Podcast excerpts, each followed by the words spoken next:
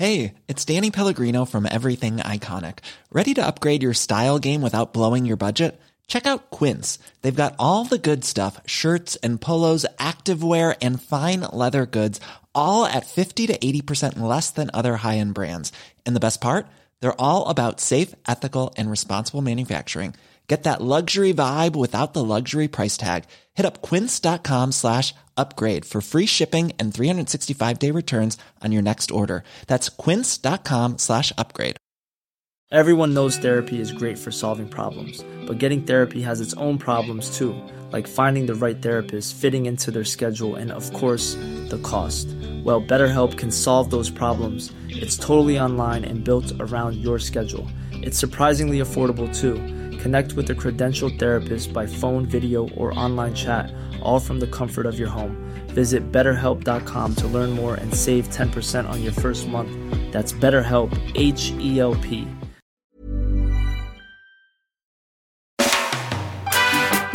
Hej och välkommen till I väntan på katastrofen. Det här är en podcast om krisberedskap. Jag heter Kalle Zackari Wahlström och med mig har jag Patrik Salmon. Hej Patrik! Hej Kalle. Hur är läget?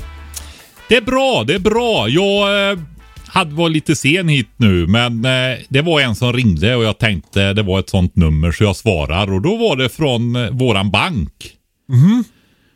Vi har ju öppnat konto du och jag med vårat bolag, vårat nya bolag. Ja, ja kul. Och då ringde han och hälsade oss välkomna nu då. Så um, sa han något. Tack för en bra podd och lycka till med poddinspelningen. sa han. Jaha, kul. Han var, en lys- han var en lyssnare med. Alltså jag, jag är inte riktigt vant med än alltså, men man får ju verkligen sköta sig när man är ute nu alltså. Alltså, det är så- kul. Jag, jag är ganska van vid att folk känner igen mig. Jag, Ja. jag har ju varit på TV ganska länge. Alltså, jag har hållit på med TV, gjort TV varje år i tio år. Liksom. Men eh, så var jag med i det här Uppdrag Mat. Alltså Mauri mm, hmm, i, jag har ju en YouTube-kanal som är jätte, jättestor. Alltså otroligt stor. Jag tror att det är 600 000 som prenumererar eller något sånt där. Eh, och då så är det ganska mycket, liksom, den såg ju väldigt brett. Och att läsa kommentarerna till det YouTube-klippet var så kul, för det är så många som inte känner, känner till mig. Alltså de, de tänker liksom att jag bara var en, en prepper. För det var därför jag var med Mm. i, i egenskap av... Ser lite wild and crazy ut med hår som spretar åt alla Ja men det var så håll. kul det var, det var väldigt många som tyckte att jag var, att jag var bra i, i, i, i YouTube-filmen. Att jag borde satsa på TV. så det var ju roligt. Ja, det var kul. Och så var det var lite av en bekräftelse strax innan pensioneringen. Exakt, och så var det många som tyckte att jag var också väldigt lik Erik Haag, alltså min storebror. Just det. Så kan det gå, men skit i det. Ja. Du- Men du, jag, jag kan ju säga så här. Jag, jag har ju kollat på den där.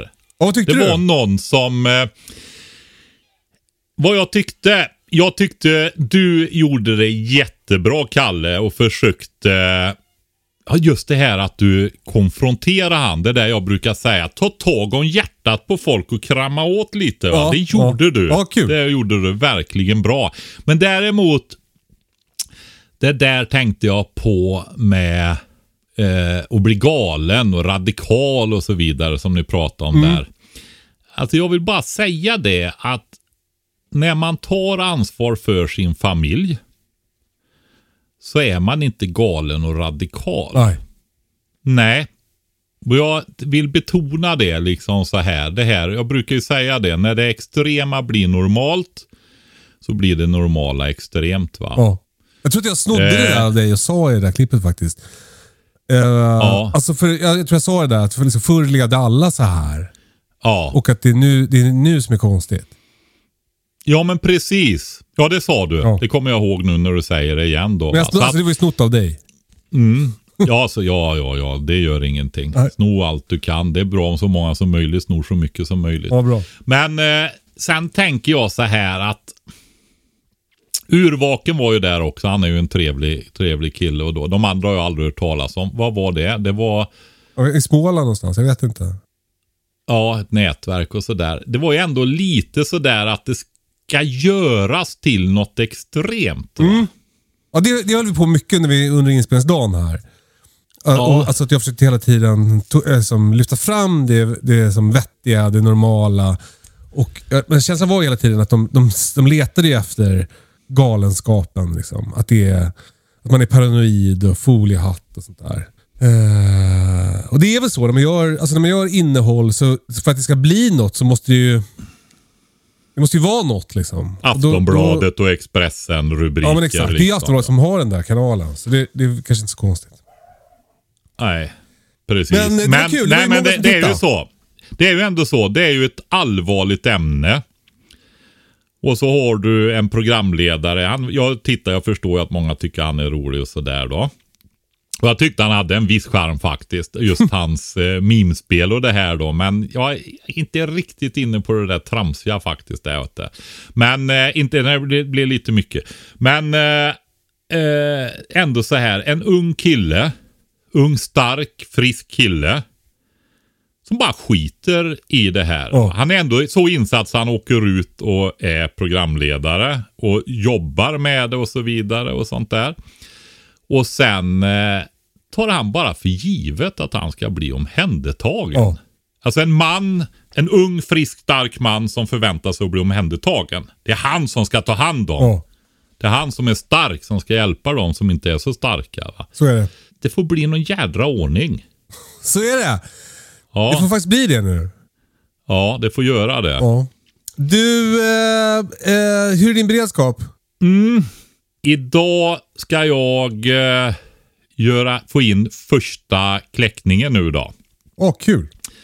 när vi spelar in idag här. Eh, på, det var ju det jag nämnde i förra avsnittet där med eh, vårat nätverk då. Jag har samlat ihop äggen där så de ska in nu. Vi får väl lika gärna avslöja det då att det är tio minuter sedan vi slutade den inspelningen. Jag ska på skulle- påsklov nästa vecka. Så vi spelar in Ja. två avsnitt idag. Så är det. Så, eh, så nu ska de in här idag då. Det, det här med att åka bort på påsk som jag ska göra i år, det känns eh, ju härligt. Men det känns ju också idiotiskt. Man har ju så jävla mycket att göra så här års. Och så är man nytänd och taggad Ja, också så här och otroligt. äntligen får dra igång då va. Jag drar imorgon, så jag måste ju så då mina 600 kolplantor innan jag åker imorgon. Så det blir eftermiddagens stora begivenhet. Men skit i det. Du, Ja, nu börjar du äntligen våren komma. Vårkänslan infinna sig. Då åker du till snön Ja. och vintern. galen är jag. Ja, är det, du. Det där ska man... Nej men jag ser ju det. Vi åkte ju med våra barn fast vi åkte inte så långt som det är. Det fick ju bli Sälen och, och eh, Branäs och sådana här grejer. Va? Och så åkte vi med min syster och hennes familj och lilla kusinen där. Och vi, du vet om det, det är ju jättefina minnen. Både för oss föräldrar och för barnen. Och nu, så, nu åkte ju min dotter iväg med sin unga familj och med vänner och var också iväg på fjället. Det är en sån där, det är något som blir minnespunkter i barndomen tänker jag. Det blir bra det. Ja, precis. Det tror jag. Och eh, eh, vara ute lite och allt det där härliga. Mm.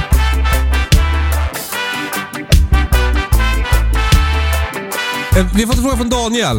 Eh, han håller på att planera en övning hemma. Han tänkte leva utan ström i 24 timmar. Det är egentligen inte någon stor utmaning. Min prep räcker minst två veckor.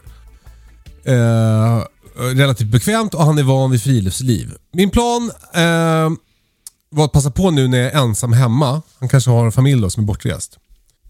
Eh, problemet med min plan eh, blev då att det är just en plan. Eh, problemet Daniel ser då det är att om han planerar en övning så vet han ju om att det kommer bli en kris och kan därför förbereda sig mentalt. Därför har han kommit på att han kan slå med en tärning för att eh, eh, på så sätt liksom eh, eh överraskningsmomentet ska finnas kvar.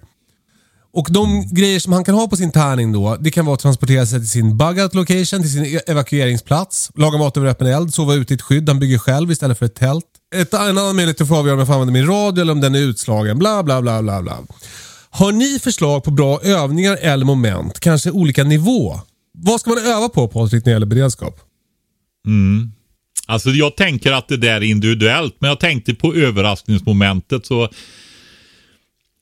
då tänkte jag på mina scouter. Ja, alltid När redo. vi, när vi avslutar och alltid säger var redo och de skiner som solar och så svarar de med hög hals och alltid redo. Och det är lite sådär att vara ha en mental attityd, ett driv någonstans att man är en person som agerar. Mm. Att det finns där. Alltså jag var ju så imponerad, speciellt när jag var officer själv senare. När jag gjorde värnplikten då så blev jag ju yrkesofficer sen och jag var även på olika förband och han med tre olika förband i min korta karriär.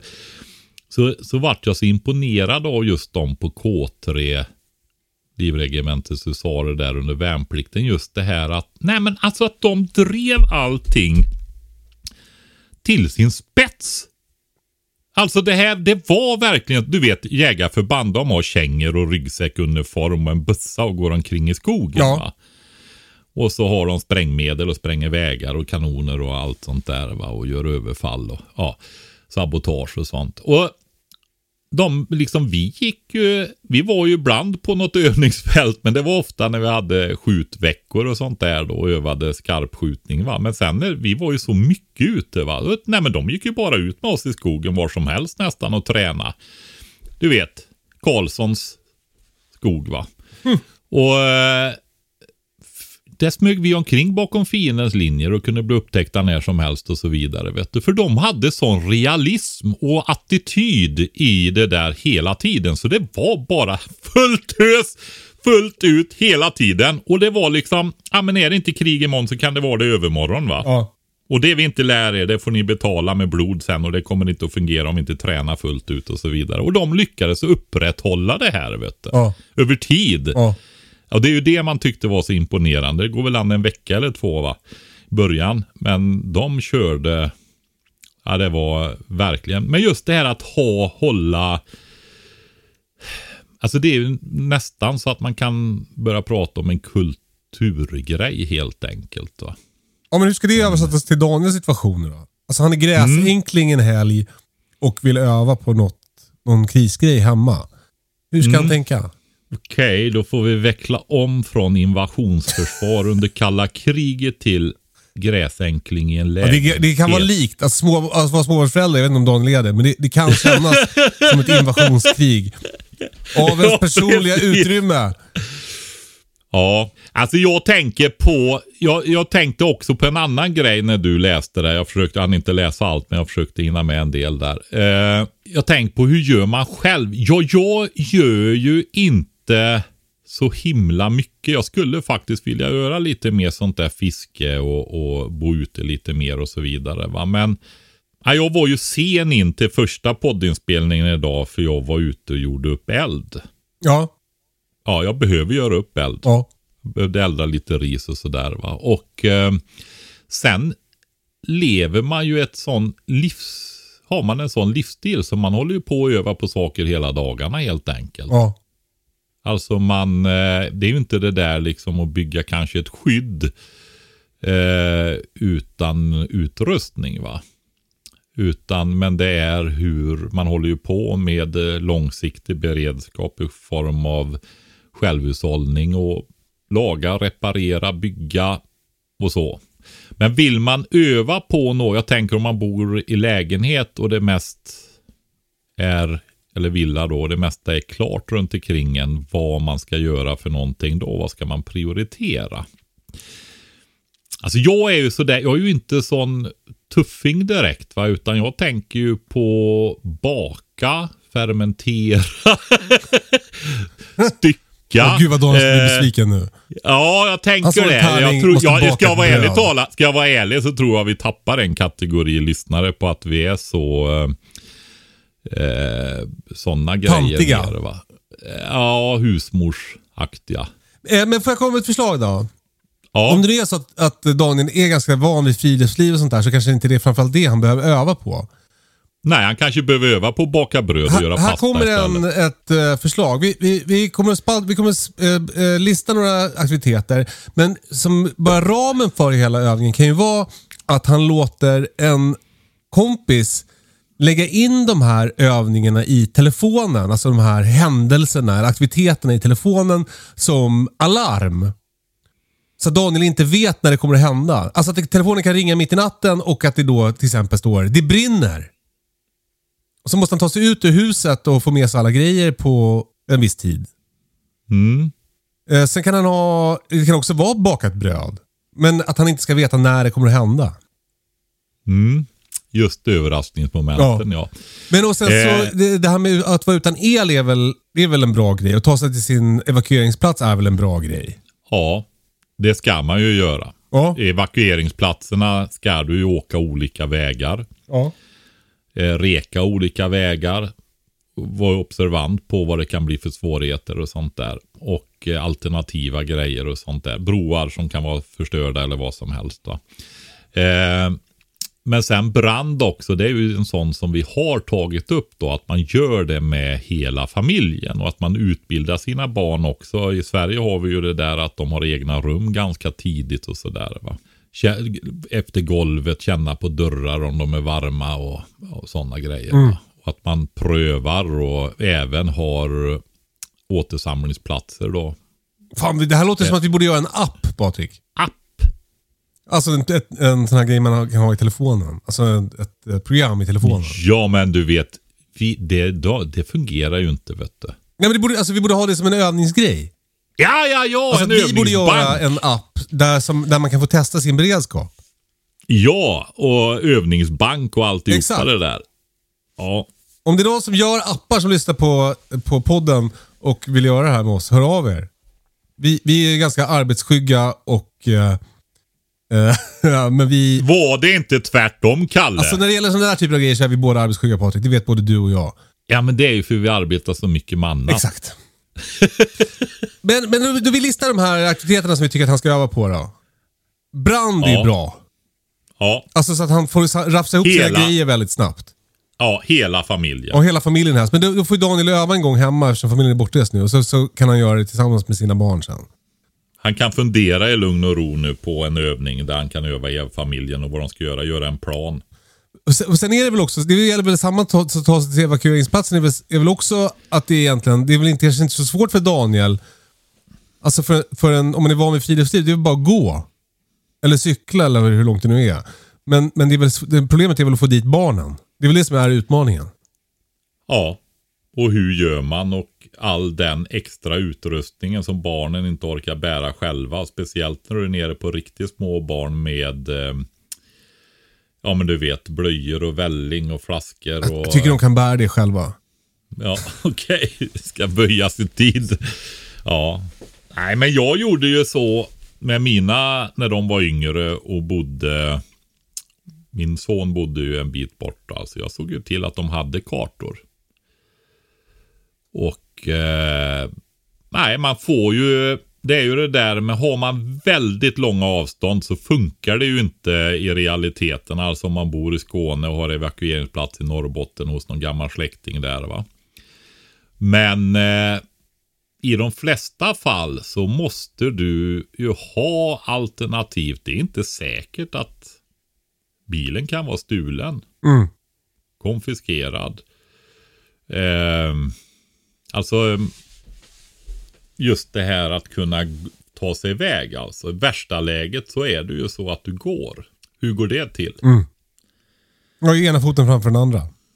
Ja, men det- jag tror aldrig, gjorde vi det där med, alltså det är ju en grej med evakueringsväska. Det här bug out bag som de säger va, med ett mer dedikerat syfte att ta sig till en plats. Men sen har du ju flyktväska.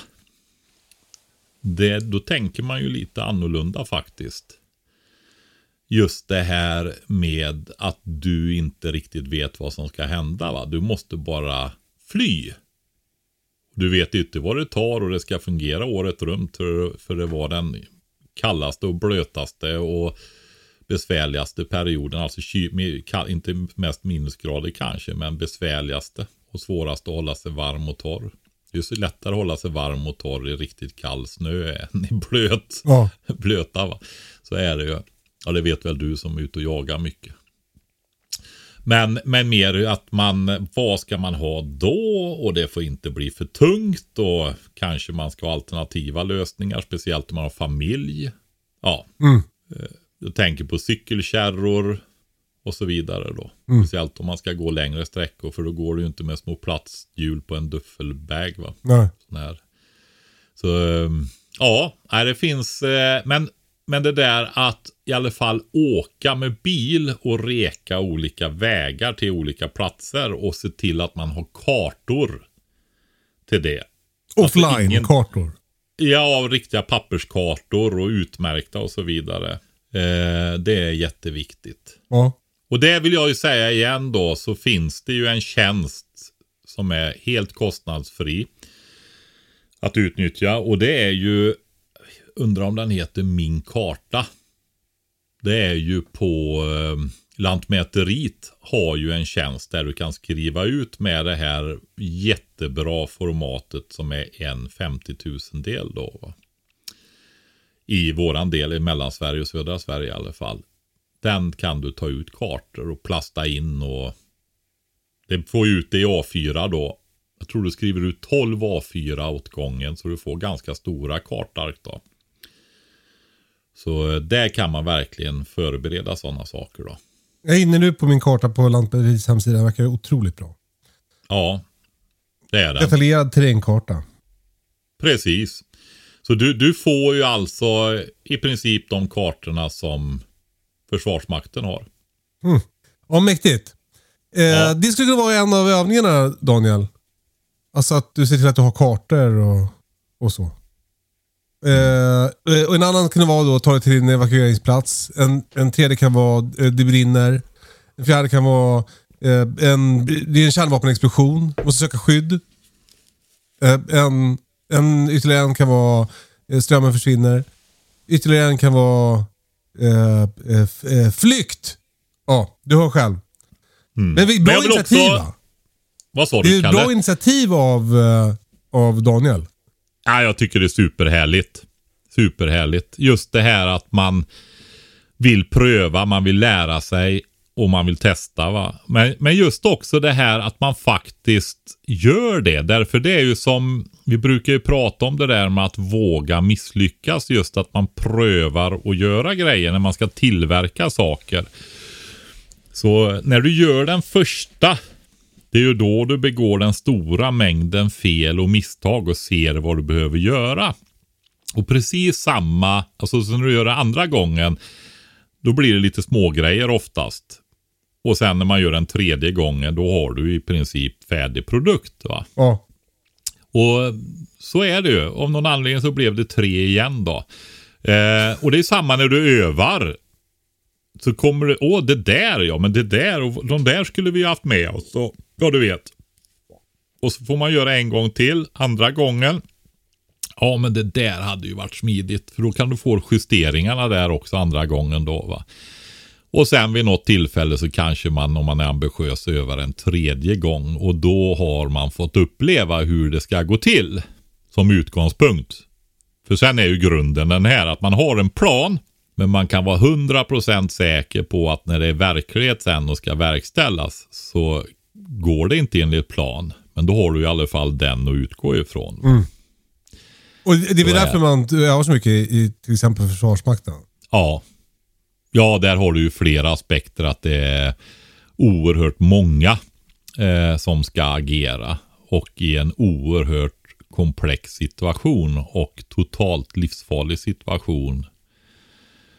Eh, dessutom va. Ja. Eh, Det extremaste som går att tänka sig i princip va. Och eh, därför så gör man ju väldigt tydliga rutiner, förenklingar, drillar in så det blir mekaniserat mycket och man alla vet hur de ska göra. Man förenklar ledning med tydliga enheter och standardiseringar och alltihopa det där. Och det där kan man överföra också till familjen om man vill, vad heter han nu, Daniel här, om man vill satsa mer på att öva och sånt där då. Och det här kan vi väl också säga så här att eh, för, för ganska ofta så får vi ju just det här, det är ju fler och fler som har väldigt pressad ekonomi. Och det blir mycket sådär att man pratar om att bygga lager, skaffa utrustning och sådana grejer som kostar saker. va. Det går att jobba med återvinning och massa olika grejer för att få ner kostnader och sånt. Givetvis. va.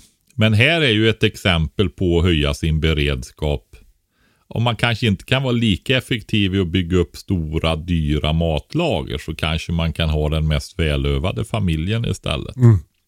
Och det Eller låter hur? ju bättre än att ha eh, liksom, eh, full frys. Jag skulle, ja, alltså jag tror ju väldigt mycket på faktiskt att ha stora lager. För det är det där enkla att finns det ingen mat så finns det ingen mat. Och det blir fort väldigt makabert. Men då kan man ju lära sina barn att vara, att vara väldigt, väldigt flink, ha flinka fingrar. Kan de tjuva mat? Så någon annans barn svälter Ja, jag ihjäl. vet fan. Eh, ja, men det, låter i Nej, alla vi fall bra behöver hjälpas öva. åt att bygga lager också så gott vi kan. va. Det är så. Och det tänkte jag på i, förresten i, i vad hette han nu igen? Daniel. Han, Mauri, het, ja, Mauri, Mauri, hette han. Din, i Uppdrag Mat. ja, precis. Just det här filmsekvensen där med skyddsmaskerna då. För där fick ju du vara lite extrem också. Skyddsmask. Mm. Ja. Sen hade ni ju lite fantasier där. Ja. Jag har alltid funderat på hur spelar de in fantasier, liksom hur de får till det där abstrakta. Ja. Ja, ja vi är proffs. ja det är bra, det är bra. Men, eh, vad skulle jag säga nu? Nu tappar jag tråden där. Mauri, det var något om Mauri och skyddsmaskerna. Nej, jag tappade det Kalle. Jag är ledsen. Det gör inget, vi går vidare. Det var era fantasier det som fick mig ur spår. Ja, så är det. Hiring for your small business? If you're not looking for professionals on LinkedIn, you're looking in the wrong place. That's like looking for your car keys in a fish tank. LinkedIn helps you hire professionals you can't find anywhere else, even those who aren't actively searching for a new job but might be open to the perfect role. In a given month, over 70% of LinkedIn users don't even visit other leading job sites. So start looking in the right place. With LinkedIn, you can hire professionals like a professional. Post your free job on linkedin.com/people slash people today.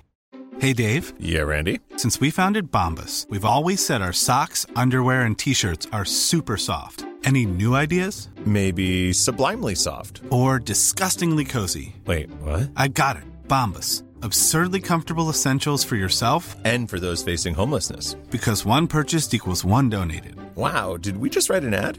Yes. Bombas. Big comfort for everyone. Go to bombas.com slash ACAST and use code ACAST for 20% off your first purchase.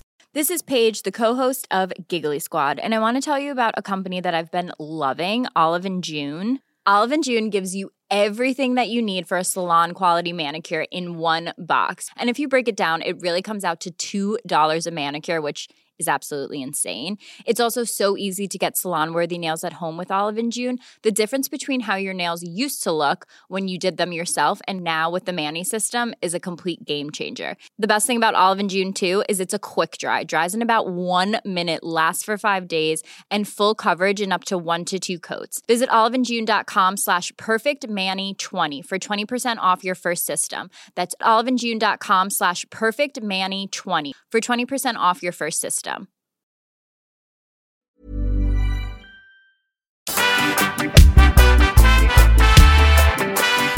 Eh, vi har fått en fråga från Martin. Eh, han har på din uppmaning Patrik odlat eh, foderbetor. Han bor i Västernorrland med fru och två barn. De verkar ha höns. Han har lagrat de här foderbetorna på ett betonggolv med torv under. Det gick tydligen skitbra tills de tog slut i januari. Och att foderbetorna tar slut, det är som det är. Eh, äggskörden i januari blev den bästa hittills. Vi fick 195 ägg på våra 20 höns. Hedemora höns. Det låter ju som många ägg. Eh, vi kan Ja, i januari så är det ju det ja, faktiskt. Vi kan säga att årets foderbetsodling kommer bli ordentligt mycket större.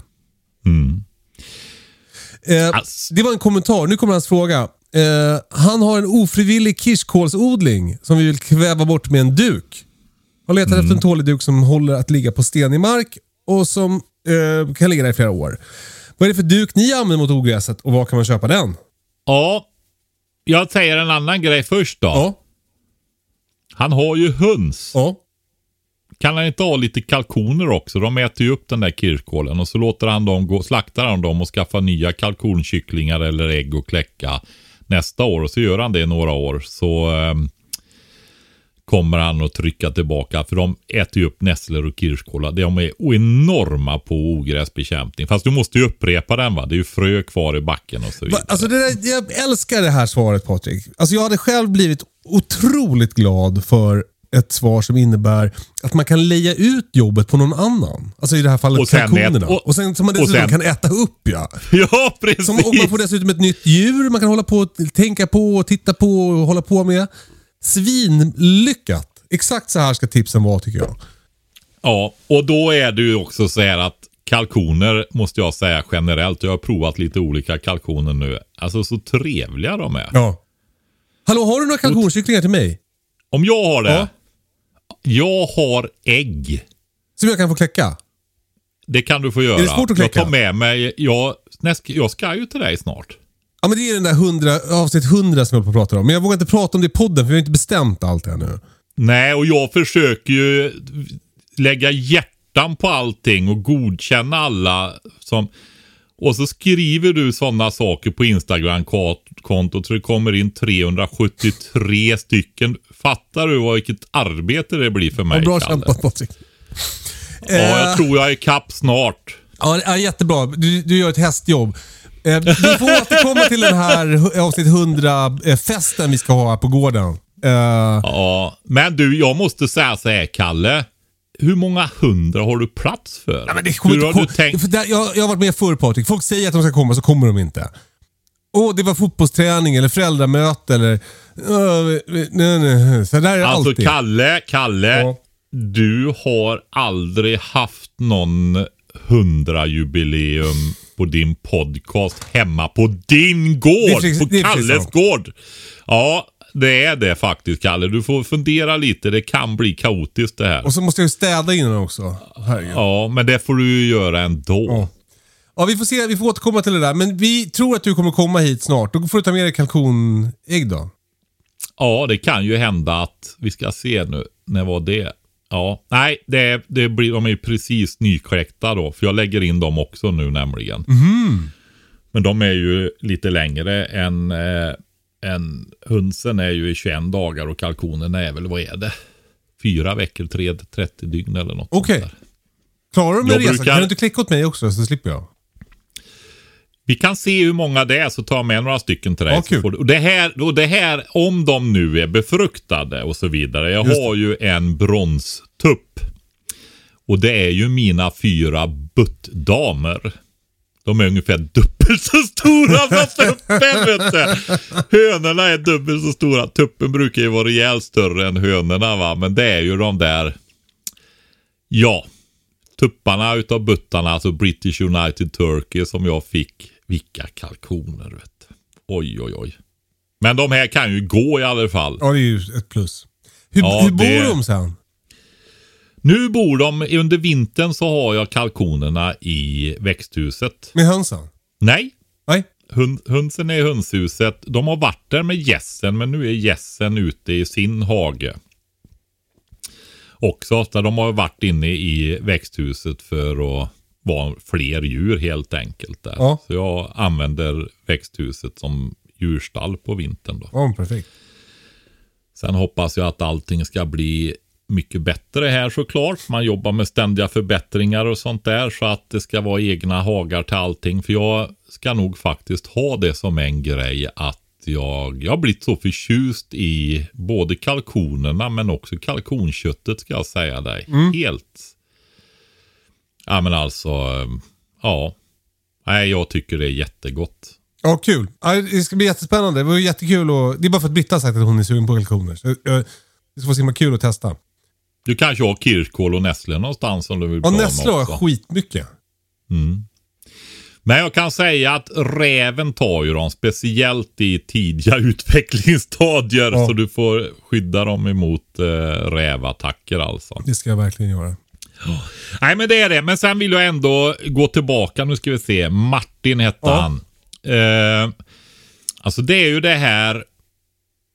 Om man tar sån gammal tung presenning. Alltså eh, riktigt tung. Du vet sån som man inte har råd att köpa ny alltså utan kan få tag i någon begagnad. Eh, ja, den kostar flera tusen sådana presenningar. De brukar ju ha dem på eh, de här tunga presenningarna de har på båtva, båtarna och till exempel. Ja, alltså fritids, större fritidsbåtar och sånt där. Den typen av presenningar som ligger mer kompakt på backen. Men då blir det kruttorrt under, inget solljus. Och eh, nej, alltså jorden dör ju. Det blir ju, även bakterier och sånt blir ju öken under nästan alltså om det ligger i flera år. Men det är väldigt effektivt. Men sen har du ju det här andra. Det är ju då det som man kan ha. Det jag kör med när det har varit sånt då. Det är ju geoduk helt enkelt. Den här duken som du lägger under väggrus och sådana saker. Under singel. Så inte det ska blanda sig med eh, bottenmaterialet eller markmaterialet då. Vet vad jag menar då? En sån, det ser ut som fiberduk Ja, men ja. det är kraftigare och tjockare. Men det är viktigt också då att du har svart. För vit reflekterar ju ljuset och det gör ju på något vis att ljusgenomstrålningen blir bättre. Men har du den svarta då blir det, vad brukar de säga? 20% genomsläpp eller någonting. Alltså då får det extra under för lite ljus. Ja, och då är det bra att lägga på den på sensommaren, hösten. När ljuset avtar. Mm. Eh, I och med att det är viss ljusgenomsläpplighet då så gör du det på våren så kan sådana kraftigare ogräs faktiskt Ja, det blir rätt mycket kvar ändå. Va? Mm. Så, eh, men den har ju fördelen ändå att luft går igenom, vatten går igenom men tar bort mycket av ljuset och ändå så är den hållbar. va. Så eh, det är en annan väg att gå. Men Och vad heter den? Geoduk? Ja, geoduk då. Sån är, och den ska vara svart. Men eh, det här med tunga presenningar och sånt är ju eh, som blir jättetätt då. Det är ju effektivt alltså. Ja men alltså kan man inte bara göra, man kan väl kväva skiten ur den så att allt dör och sen så kan man väl ha dit eh, Kompost kompost och och- gödsel och... vattna upp, odla gröngödsling efteråt och på det viset och låta det ta ett tag. Ja, precis. Ja, det går ju. Ja. Så kan man tänka också. Men jag, jag, jag, eh, jag är ju mer åt det där med kalkonen Ja, då. ja, kul. Jag med. Mm. Skaffa kalkoner Martin. Eh, vi har fått en fråga från Jonna. Eller två frågor från Jonna. Eh, hon eh, skriver att hon bor i lägenhet och eh, har CSN. Eh, så hon är inte rik. Eh, hon har mat och vattenföretag, kan tillaga maten, hitta vatten, har nödradio. Har eh, sätt att hålla mig varm och diverse friluftsartiklar. Hur skulle jag kunna förbättra min beredskap? Kanske lära mig något som är bra att kunna. Eller köpa något som inte kostar så mycket. Har ni några tips? Vi har ju varit inne lite på det här med att öva. Det är väl ett bra tips. Ja, Men sen så finns det väl också, jag tror Röda Korset har så här första hjälpen-kurser man kan gå. Och det är väl en jävligt bra har, grej de har eh, hyfsat bra eh, filmer faktiskt på YouTube också. Ja, Eh, som är värda att titta på om man inte har så bra förkunskaper då va. för, för där tänker jag liksom är, det, det känns som den, nästan den viktigaste, eh, alltså sjukvård känns nästan som den viktigaste beredskapen att ha i familjen. Sådär. Alltså att det är någon som, som, som inte tycker att det är läskigt med, med sår. Alltså jag tycker ju det verkligen tillhör allmänutbildningen va. Och eh, jag tycker ju, alltså när vi gjorde värnplikten, de flesta män, det var väl 80% ungefär som gjorde värnplikten under kalla kriget. Så utbildades ju alla de i första hjälpen, och hjärt-lungräddning och eh, åtgärder vid trafikolycka. Alltså så här, pang, pang, pang, pang. Det här gör du vid trafikolycka och så vidare. Va? Och då, då liksom kommer det ut så nästan ja, 40% av befolkningen liksom är utbildade även om en del är ringrostiga. Va? Det finns alltid mängder av folk överallt som kan det här. Ja. Va? Men det är ju verkligen borta nu Ja. då. Va? Och sen tänker jag på det, det blir ju lite känsligt det här därför att men jag har gjort så med sjuksköterskorna i våran släkt, eller våran familj då. Det är ju min dotter och min svärdotter då, min svurna dotter. Eh, där har jag ju skaffat större utrustningsväskor till dem. Ryggsäckar. Det är ju de här som, eh, kommer du ihåg skyddsmaskerna? Om jag minns. Ja. det var ju OV-butiken det. Just det. Ja. Och eh, då har jag... Du fick ju en Ja, sån du har beställt en ryggsäck sån till mig också. också. Ja, men Du precis. tänkte men väl, jag har ju de extra här sjuksystrarna i din släkt och Kalle, de ska ha en sån här ryggsäck. Ja, precis. Jag har ingen själv. Men jag har ju andra grejer. Jag, ja, jag har ju en större, ännu större Såklart, ryggsäck. såklart. Ja, men... Eh, eh, nej, men jag har ju extra utrustat den också då. Såklart. Med ut, ännu mycket mer utrustning då. Men då är ju det, ja men alltså jag tänker ju så här. För det är ju så här att ja, men grannar har ringt efter min dotter om det är något jätteakut och hon, där hon bor. Det är, du vet, det är ju landsbygden och folk känner ju varandra. Va? Nej, jag tycker det känns jättebra att hon har en ryggsäck som hon kan slita med sig och eh, har redskap och diagnostiseringsverktyg och så vidare då. Va? I den. Och då tänker jag ju så här, men varför har inte alla sjuksköterskor det? Och då tänker jag ju så här att okej, vill de ha jour dygnet runt då? Eh, Utan det får ju man faktiskt besluta om själv. Det ska ju ersättas i så fall om, om offentliga gör det. Men där är ju en som är väldigt utbildad och kanske skulle vara ännu mer utbildad just när det inte finns så himla mycket att de kanske släppte på något annat lite mer abstrakt och tränade sjuksköterskorna i grundutbildningen ännu mer på akuta åtgärder och sånt. Jag tänker i beredskapssyfte också i besvärliga tider. Ja. För det, det, det är liksom så här, ja men det blir dålig pass. Ja men det eller ingenting alls då. Eh, så i extremsituationer. Alltså det, ibland är ju det också, nej vi kan inget göra, vi kan inte upprätthålla patientsäkerheten så du får dö istället. Du, vi måste tillbaka till Jonna här nu. Eh, jag ser också i ögonvrån att nu kommer tv-teamet. Idag börjar vi filma säsong 5 av Bondgården. Säsong 4 har inte ens kommit ännu. Eh, så jag måste sluta. Helvete. Är det så? Ja, det är så. Eh, jag har ett, Jobb, ett men riktigt du, jobb också jobb där. Ska, kan vi ta två minuter på den då? Mm. Hennes andra fråga där. Ja, Jonas andra inte- fråga är så här. Eh, hon undrar vilka jobb man ska satsa på ur ett beredskapsperspektiv. Hon håller på att bli, utbilda sig till lärare. Vad tänker ni om det? Alltså det beror ju på vilket beredskaps... Alltså lärare dröjer ju länge innan vi inte upprätthåller skolsystemet. Så att det är ju, och eh, skola är ju en kombination av utbildning och tillsyn. Alltså någon måste ju ta hand om barnen. va? Om man, andra ska kunna rädda livet på folk och så vidare. Va? Så lärare är ju ett grundläggande yrke precis som den för de minsta barnen förskolläraren är då. Va? Och, eh, men sen tänker jag på sjukvård, hantverk, basala grejer, livsmedelsproduktion. Ninja. Alltså så, Ninjalärare. Ja, Ja. kan öka. Men jag tänker mer, då tror jag mer på krav maga faktiskt. Ja, okej. Ja. Och en del säger vanlig judo är bland det bästa faktiskt. Och Jonna, bra. Träna självförsvar. Det, det kan också öka din beredskap genom att göra. Mm. Eh, och- Men eh, Kalle, nu får du sluta. Åh, vad härligt.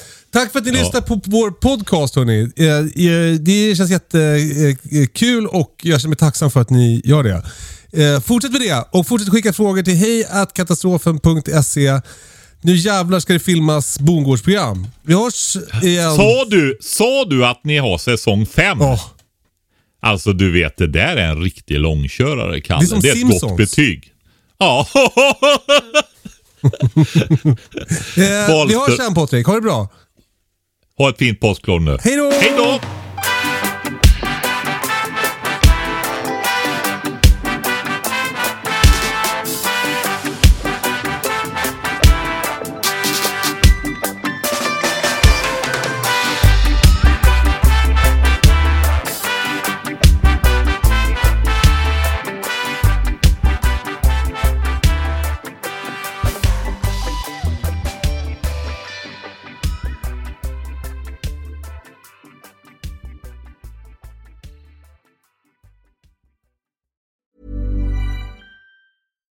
When we're on a budget, we still deserve nice things. Quince is a place to scoop up stunning high-end goods for 50 to 80% less than similar brands. They have buttery soft cashmere sweaters starting at $50, luxurious Italian leather bags, and so much more. Plus, Quince only works with factories that use safe, ethical, and responsible manufacturing. Get the high-end goods you'll love without the high price tag with Quince.